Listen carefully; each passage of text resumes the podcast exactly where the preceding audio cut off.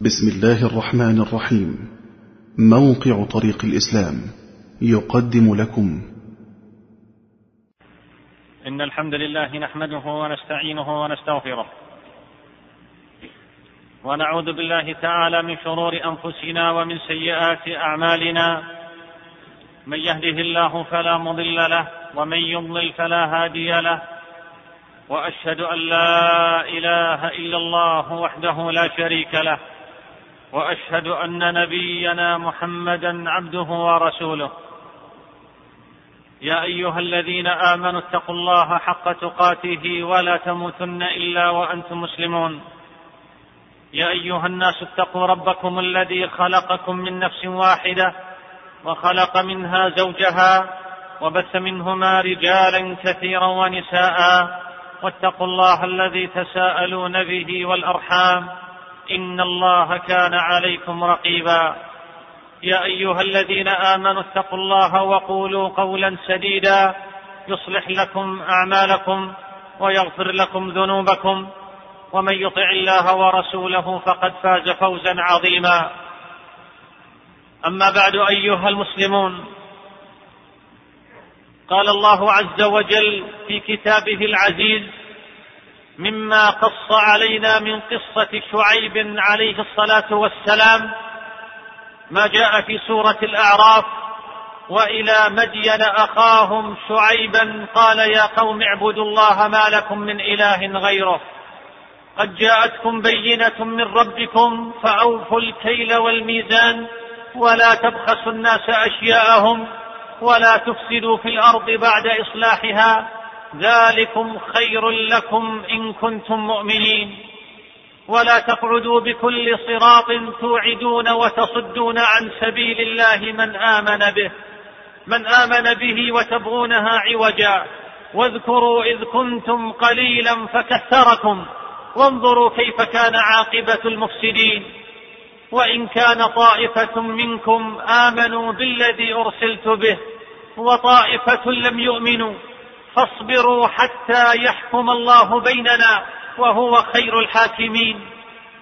قال الملأ الذين استكبروا من قومه لنخرجنك يا شعيب والذين آمنوا معك من قريتنا أو لتعودن في ملتنا. قال أولو كنا كارهين. قد افترينا على الله كذبا إن عدنا في ملتكم بعد إذ نجانا الله منها. وما يكون لنا أن نعود فيها إلا أن يشاء الله ربنا وسع ربنا كل شيء علما. على الله توكلنا. ربنا افتح بيننا وبين قومنا بالحق وأنت خير الفاتحين. وقال الملأ الذين كفروا من قومه لئن اتبعتم شعيبا إنكم إذا لخاسرون. فأخذتهم الرجفة فأصبحوا في دارهم جاثمين. الذين كذبوا شعيبا كأن لم يغنوا فيها. الذين كذبوا شعيبا كانوا هم الخاسرين. فتولى عنهم وقال يا قوم لقد أبلغتكم رسالات ربي ونصحت لكم فكيف آسى على قوم كافرين. شعيب عليه الصلاة والسلام كان يسمى خطيب الأنبياء لفصاحته وبلاغته وحسن تأديته وهو أحد أربعة أنبياء عرب وهم هود وصالح وشعيب ومحمد صلى الله عليهم جميعا. أرسله الله جل وتعالى إلى أهل مدين وأهل مدين قوما عربا يسكنون مدينتهم التي هي قرية في أرض معان من أطراف الشام. مما يلي ناحية الحجاز قريبا من بحيرة قوم لوط وتقع مدين في ممر قوافل التجارة وكان هذا الموقع يعطيها أهمية كبيرة ويميزها عن غيرها من المدن القريبة منها. وكان أهل مدين كفارا يقطعون السبيل ويخيفون المارة ويعبدون الايكه وهي شجرة من الايك حولها غيضه ملتفه بها وكانوا من أسوأ الناس معاملة يبخسون المكيال والميزان ويطففون فيهما يأخذون بالزائد ويدفعون بالناقص. فبعث الله فيهم رجلا منهم وهو رسول الله صلى الله عليه وسلم شعيب عليه الصلاة والسلام. فدعاهم إلى عبادة الله وحده لا شريك له ونهاهم عن تعاطي هذه الأفاعيل القبيحة من بخس الناس أشياءهم وإخافتهم لهم في سبلهم وطرقاتهم وحذرهم عاقبة الظلم مؤكدا لهم أن ما يبقى من المال الحلال خير لهم من المال الذي يجمعونه من الحرام. وإلى مدين أخاهم شعيبا قال يا قوم اعبدوا الله ما لكم من إله غيره. ولا تنقصوا المكيال والميزان. إني أراكم بخير وإني أخاف عليكم عذاب يوم محيط. ويا قوم أوفوا المكيال والميزان بالقسط ولا تبخسوا الناس أشياءهم ولا تعثوا في الأرض مفسدين. بقية الله خير لكم إن كنتم مؤمنين. وما أنا عليكم بحفيظ. ومن ضلال أهل مدين أيضا. أنهم كانوا يقعدون على الطرق يرصدون الناس الذين يأتون إلى شعيب ليصدوهم عن سبيل الله وكانوا يعيبون رسالته ويهددون ويهددون المؤمنين فكان شعيب عليه السلام يستنكر منهم ذلك ويذكرهم بأن الله كثرهم بعد قلة وأغناهم بعد فقر ولا تقعدوا بكل صراط توعدون وتصدون عن سبيل الله من آمن به وتبغونها عوجا. واذكروا إذ كنتم قليلا فكثركم. وانظروا كيف كان عاقبة المفسدين. ومن صور انحرافهم أيضا. الاستهزاء. فقد كان القوم يستهزئون بكلام شعيب عليه السلام. وكانوا يقولون له هل صلاتك هذه التي تصليها هي التي أثرت في نفسك؟ فجعلتك مرشدا لنا. تدعونا إلى ترك ما كان يعبد آباؤنا من الأصنام وتحثنا على الامتناع عن التصرف في أموالنا كما نريد. قالوا يا شعيب أصلاتك تأمرك أن نترك ما يعبد آباؤنا أو أن نفعل في أموالنا ما نشاء؟ إنك لأنت الحليم الرشيد. إن أثر الصلاة كانت واضحة في شعيب عليه الصلاة والسلام. وقد لاحظ قوم شعيب تأثير الصلاة عليه وعلى أتباعه وكيف أنها غيرت أوضاعهم وأدت بهم إلى التحرر من عبادة غير الله. وترك الغش في المكاييل والأوزان. نعم لقد غيرت الصلاة نفسية أتباع شعيب لأن الصلاة تهدف إلى صنع ضمير نقي في الإنسان فتحرك فيه مشاعر التقوى والمراقبة وتذكره على الدوام بيوم القيامة.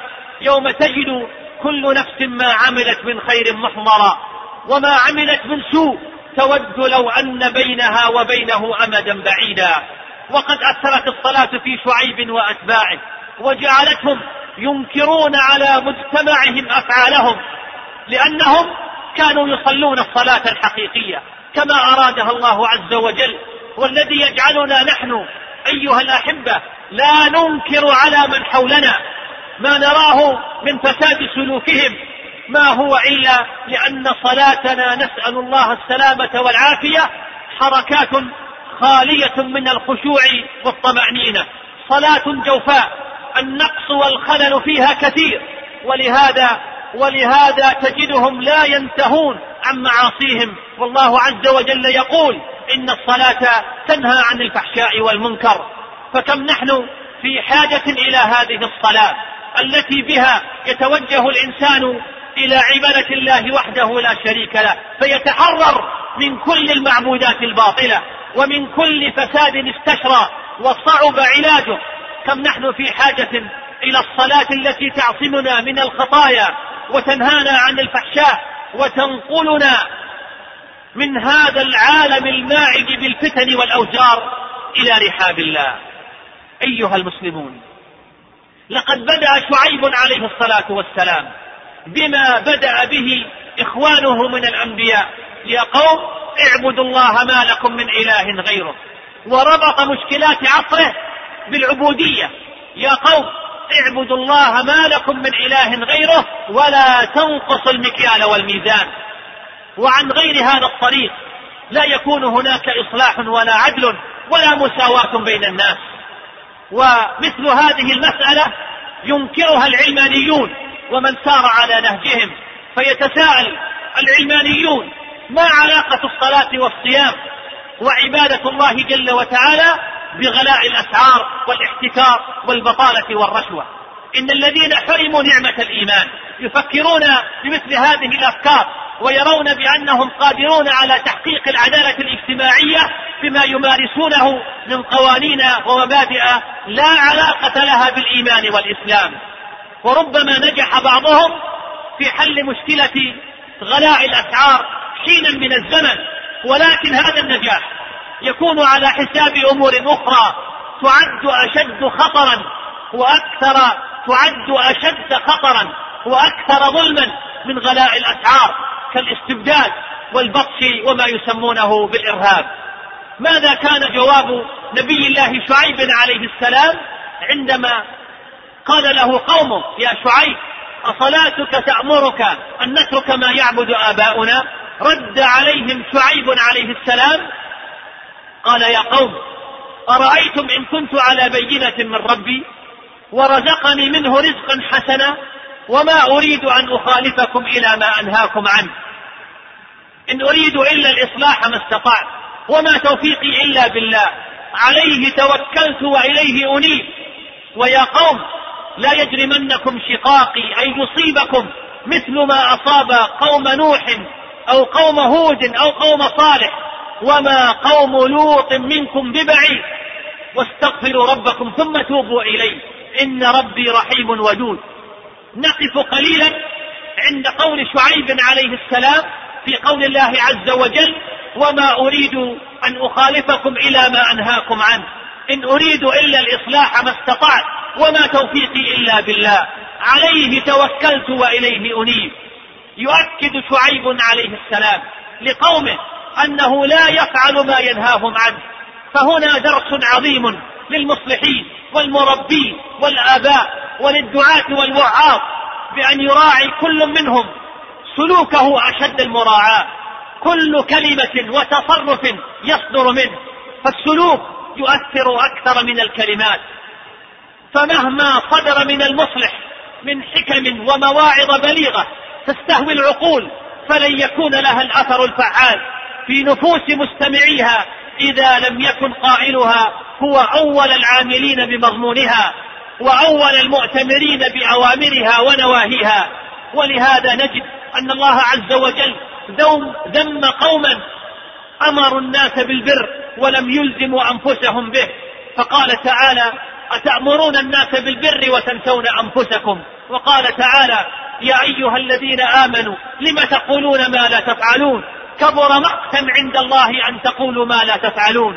فلننتبه معاشر الأحبة لهذا الأمر سواء كنت أبا في بيتك أو مصلحا وداعية في مجتمعك بألا يصدر منك أفعال تخالف أقوالك لأن الناس لأن الناس يتأثرون بالقدوة أكثر من غيرها خصوصا الآباء. فإذا كنت تريد أيها الأب من ولدك ألا يدخن مثلا فلا تكن من متعاطيه أمامه وإن كنت تريد من ولدك ألا يكذب فتنبه ألا يصدر منك ذلك ولو عن طريق المزاح. وإن كنت تريد من ولدك أن يكون محافظا على وقته مجدا في دروسه فلا يرى أباه من الذين يسمرون ويلهون إلى آخر الليل. لأنه من الطبيعي أن يتأثر الولد بوالده. ماذا لو كان هذا الأب من الذين لا يستحقون أن يقتدى بهم؟ فماذا نتمنى بعد ذلك من أولادنا؟ فهل لنا من عبرة واعظة من نبي الله شعيب عليه السلام في قول الله عز وجل وما أريد أن أخالفكم إلى ما أنهاكم عنه. وأما الشطر الثاني من الآية إن أريد إلا الإصلاح ما استطعت. ففيها درس آخر للدعاة والمصلحين في أن تكون رغبتهم في الإصلاح لوجه الله تعالى بعيدة عن أي غرض دنيوي أو منفعة ذاتية. وهكذا كانت أهداف الأنبياء في مراحل التاريخ. وهذا ما جعل الكون حليفها. وهذه هي الطريق التي يجب أن يسلكها المصلح والداعية ليصل إلى النجاح. فالإصلاح المجرد من أي غاية وهوى النفس هو الذي يكتب له في النهاية النجاح والفوز. ذلك لأن ذلك لأن ذلك هو رسالة الحق والحق دائما هو المنتصر. وأما الغايات وأما الأهواء الخاصة فكثيرا ما تفضح نفسها فتنكفئ ويكون الخسران مآلها. وكيف لا تنتصر الحقيقة؟ وهي التي مصدرها خالق الكون ومدبر الكون. وهذا ما أشارت إليه الآية في خاتمتها وما توفيقي إلا بالله عليه توكلت وإليه أنيب. أيها المسلمون لنرجع لنرجع إلى القصة. هدد أكابر القوم شعيبا عليه السلام بإخراجه ومن آمن معه من القرية أو أن يعودوا في ملة القوم. فكان رد شعيب عليه السلام واضحا لا لبس فيه. قال الملأ الذين استكبروا من قومه لنخرجنك يا شعيب والذين آمنوا معك من قريتنا أو لتعودن في ملتنا. قال أولو كنا كارهين؟ قد افترينا على الله كذبا. إن عدنا في ملتكم بعد إذ نجانا الله منها. وما يكون لنا أن نعود فيها إلا أن يشاء الله ربنا. وسع ربنا كل شيء علما. على الله توكلنا. ربنا افتح بيننا وبين قومنا بالحق وأنت خير الفاتحين.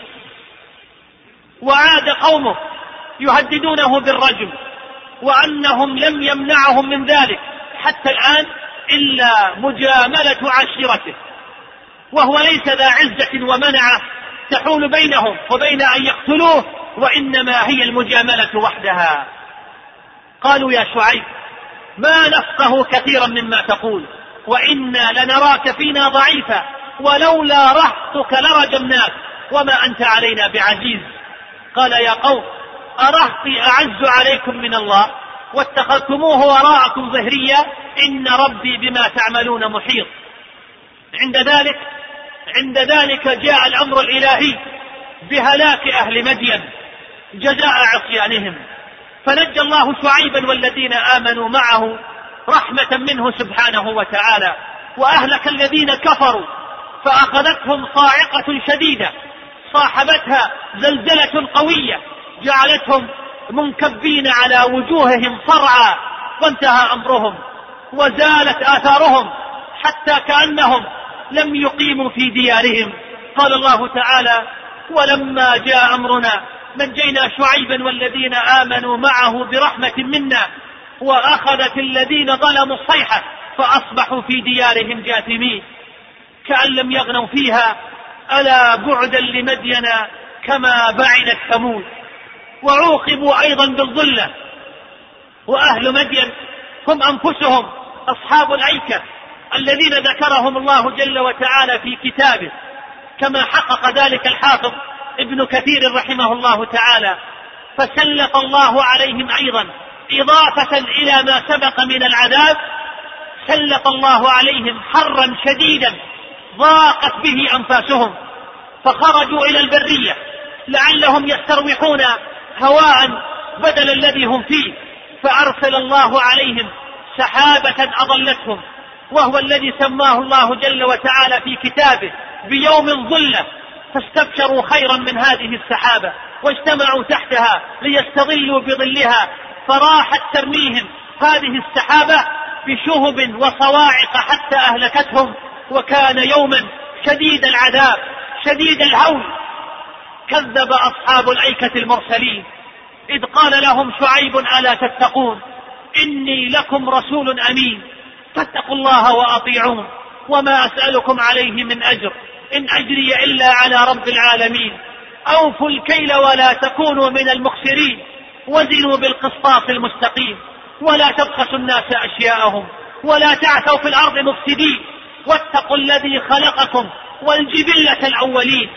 قالوا إنما أنت من المسحرين وما أنت إلا بشر مثلنا وإن ظنك لمن الكاذبين فأسقط علينا كسفا من السماء إن كنت من الصادقين قال ربي أعلم بما تعملون فكذبوه فأخذهم عذاب يوم الظلة إنه كان عذاب يوم عظيم إن في ذلك لآية وما كان أكثرهم مؤمنين وإن ربك لهو العزيز الرحيم. رأى شعيب عليه الصلاة والسلام ما نزل بقومه من العذاب والهلاك فأعرض عنهم وقال لقد أبلغتكم رسالات ربي ونصحت لكم فكيف آسى على قوم كافرين؟ أيها المسلمون من التوجيهات المهمة التي تطالعنا بها قصة شعيب الدعوة إلى الأمانة والاستقامة في البيع والشراء. وترك الغش بالمكاييل والأوزان والإفساد في الأرض لأن ذلك يؤدي إلى سخط الله جل وتعالى والتعرض إلى العقوبة الشديدة كما فعل الله بقوم شعيب كما فعل الله بقوم شعيب الذين أهلكهم جزاء فسادهم. أما أما حذر شعيب قومه بقوله ولا تنقص المكيال والميزان إني أراكم بخير وإني أخاف عليكم عذاب يوم محيط. ويا قوم أوفوا المكيال والميزان بالقسط ولا تبخسوا الناس أشياءهم ولا تعثوا في الأرض مفسدين. إن أكثر الدول المتقدمة تحرص أشد الحرص على ضبط المكاييل والأوزان ومراقبة الأسواق وتعرض المتلاعب للعقوبة الشديدة. والإسلام والإسلام كان له السبق دائما في إقرار الأنظمة الصالحة للمجتمعات البشرية. إن مسألة المكيال والميزان ومسألة البيع والشراء مسألة تستحق الوقوف عندها لأنها قضية لا تتعلق بالبائع والمشتري وحدهما بل إن آثارها لتعود على المجتمع كله فإن أي مجتمع لا يوفي لا يوفى فيها المكيال والميزان ولا يلتزم كل من البائع والمشتري. بأحكام الله عز وجل فإن المجتمع كله مهدد بالخطر وعقوبة الله تعالى. كما سمعتم ما حصل لقوم شعيب عليه الصلاة والسلام عندما لم يوفوا المكيال والميزان. نفعني الله وإياكم بهدي كتابه. واتباع سنة نبينا محمد صلى الله عليه وسلم أقول هذا القول وأستغفر الله لي ولكم فاستغفروه إنه هو الغفور الرحيم.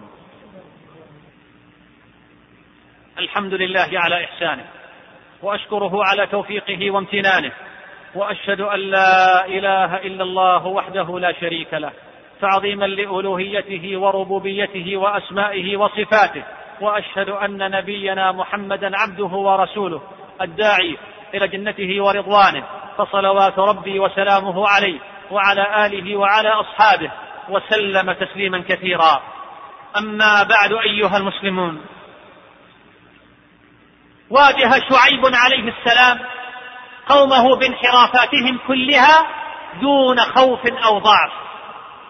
واجه شعيب عليه الصلاة والسلام قومه بانحرافاتهم كلها دون خوف أو ضعف. وانحرافات قومه كانت لها صور وأشكال متعددة من عبادة غير الله جل وتعالى من الأصنام والأوثان والأهواء وغيرها من الآلهة إلى سوء المعاملة في البيع والشراء وبخس الناس أشياءهم إضافة إلى الفساد في الأرض. بكل ما تعنيه كلمة فساد من ظلم وبغي وعدوان على الأنفس والأعراض والأموال ناهيك عن الصد عن سبيل الله حيث كانوا يجلسون في الطرقات ويحذرون المارة من شعيب ويتوعدون المؤمنين ويتهددونهم. وشعيب عليه السلام كان حكيما عاقلا وكان يعرف العقلية التي يفكر بها الملأ من قومه وكان يعلم عليه السلام أن ما يدعو إليه يعني إلى سقوط هذا النظام الفاسد. وكان يعلم أيضا بأن مواجهة الملأ بواحدة من هذه الانح... بواحدة من هذه الانحرافات كاف لما يسمى بتأليب الرأي العام ضده والسعي الجاد لنفيه من مدين أو سجنه أو قتله. ومع كل هذه الأخطار المتوقعة فلقد كانت دعوة شعيب عليه السلام منذ بدايتها قوية شاملة ليس فيها هوان ولا تردد. ولا مجال فيها للمساومة وقبول أنصاف الحلول وأرباعها. ولم يقل شعيب عليه السلام فعلت وسعي وكفى ولا بأس من مهادنة الملأ طالما تركوني ومن آمن بدعوتي نعبد الله ولا نشرك به شيئا فلهم دينهم ولي دين. أبدا. ولم يقل أيضا عليه الصلاة والسلام كان من الأفضل مواجهتهم منذ بداية الدعوة بتطفيف الكيل والميزان فإن استجابوا فإن استجابوا واجهتهم بقضية أخرى. وبمثل هذه المرحلية أحقق فوائد أكثر وتكون معارضتهم أخف وطأة أخف وطأة وأقل حدة ومواجهة شعيب عليه السلام لقومه بانحرافاتهم ليست رأيا شخصيا ارتآه عليه الصلاة والسلام أو اجتهادا اجتهد فهو عبد الله ورسوله وليس له من الأمر شيء. إن هذه المواجهة أرادها الله جل وتعالى ونبي الله ينفذ أوامر الله التي يأمره بها بتبليغه لعباده وهي منهج رباني خالد لا يعتريه غموض ولا تكتنفه تناقضات. وبعد آلاف السنين. وبعد آلاف السنين ما زلنا نقرأ فقرات هذا المنهج في كتاب الله الذي لا يأتيه الباطل من بين يديه ولا من خلفه. وسار الصحابة والتابعون وعلماء الإسلام وعلماء الإسلام المجددون والمجاهدون في سبيل الله على هذا المنهج. فواجهوا أقوامهم بانحرافاتهم. فلقد حاول الصحابة وفي طليعتهم عمر بن الخطاب رضي الله عنه إقناع الصديق بعدم قتال المرتدين. وكان معظم أهل الجزيرة قد ارتدوا. فأبى الصديق رضي الله عنه فأبى الصديق رضي الله عنه وبين للصحابة أهمية الأدلة التي يعتمد عليها وأكد أنه لا بد من مواجهة المرتدين بما يستحقون. وكان الحق مع أبي بكر وأدرك الصحابة جميعا. صحة أدلة الصديق. فانعقد إجماعهم على وجوب قتال المرتدين ومن جملتهم الذين امتنعوا عن دفع الزكاة. وواجه أيضا الخليفة العادل عمر بن عبد العزيز رحمه الله تعالى أهل الحل والعقد من بني أمية بأخطائهم وانحرافاتهم. فعزل الولاة والقادة الظالمين ورد المظالم إلى أصحابها ومنع سياسة التبذير والترف وكان يعلم أنه سوف يصطدم مع أبناء عمومته وأقرب أقربائه ومع ذلك اختار ما كان عليه الرسول صلى الله عليه وسلم والخلفاء الراشدون من بعده. وواجه أيضا إمام أهل السنة أحمد بن حنبل رحمه الله تعالى واجه المأمون بانحرافاته. ورفض السكوت عن إنكار المنكر وآثر السجن والتعذيب والنفي والتهديد بالقتل ولم يقبل ما قبله غيره من علماء عصره من الرخص وكان رحمه الله وهو مكبل بالقيود في السجن أقوى من المأمون وجيشه وقوات أمنه. لقد دحض رحمه الله تعالى أباطيلهم وفند شبهاتهم وأخيرا وأخيرا أخذ الله المأمون. والمعتصم والواثق وقادة أهل الاعتزال. ونصر الله بالإمام أحمد السنة وقمع البدعة والمبتدعين. وواجه أيضا صلاح الدين الأيوبي رحمه الله. واجه الرافضة الباطنيين بانحرافاتهم. لقد كانوا عونا للغزاة الصليبيين ومعاول هدم داخل الصف الإسلامي ودعاة فتنة وإرهاب. وحاولوا قتل صلاح الدين. ولكن الله نجاه ومكنه من قهرهم ومن القضاء على ممالكهم ونجح صلاح الدين في تحرير القدس وما حولها وهزم الصليبيين بعد أن هزم عملاءهم. أما شيخ الإسلام ابن تيمية رحمه الله تعالى فإنه واجه مشكلات وانحرافات كثيرة في عصره. التعصب المذهبي التعصب المذهبي وتقديس الرجال وواجه غلاة الصوفية وواجه أيضا الرافضة وعموم الباطنيين كالدروز والنصيريين وواجه أيضا أهل الاعتزال والفلاسفة كما واجه احتلال التتار لبلاد المسلمين. فلم يهاجر رحمه الله جهة من الجهات المنحرفة ولا تراجع عن حق يدعو إليه رغبة أو رهبة وفضلا عن ذلك كله لقد حقد عليه كثير من علماء عصره وكثر فساده الذين كانوا يتسابقون في التزلف للسلطان وكانوا لا يخجلون من الكذب عليه ورميه بما ليس فيه وكان رحمه الله يشفق عليهم ويعفو عنهم عند الاستطاعة وكان يترفع عن الصغائر ويزهد في ملاذ الدنيا ونعيمها ودخل السجن مرات ومات فيه وكان يراه من نعم الله عليه. وحقق ابن تيمية رحمه الله انتصارات رائعة بسيفه مع التتار والباطنيين وبقلمه مع أعداء الإسلام ومع أصحاب البدع والأهواء وأعز الله به معتقد أهل السنة والجماعة. وواجه أيضا الشيخ محمد بن عبد الوهاب رحمه الله تعالى قومه واجههم بانحرافاتهم بكل وضوحة بكل وضوح وصراحة. فدعاهم إلى عبادة الله وحده لا شريك له. ونبذ كل ما يعبدون من دونه من أوثان وأصنام لا تضر ولا تنفع. ودعاهم أيضا إلى التمسك بالكتاب والسنة والبعد عن التعصب المذهبي الذميم فطاردوه واضطر إلى كثرة التنقل من مكان إلى آخر خوفا من بطش أعدائه وأخرجوه من قريته وحاولوا قتله أكثر من مرة. فما زاده كيدهم إلا ثباتا على الحق واستمساكا بالمنهج الذي يؤمن به ويدعو إليه. وبعد جهاد طويل وبعد جهاد طويل يسر الله له من ينصره ويأويه. فكان رحمه الله من أكبر المجددين في عصره ونصر الله به الحق وأهلك خصومه. أيها المسلمون هذه نماذج فقط. من سير من اقتفى أثر أنبياء الله ورسله من المجددين والمصلحين والمجاهدين.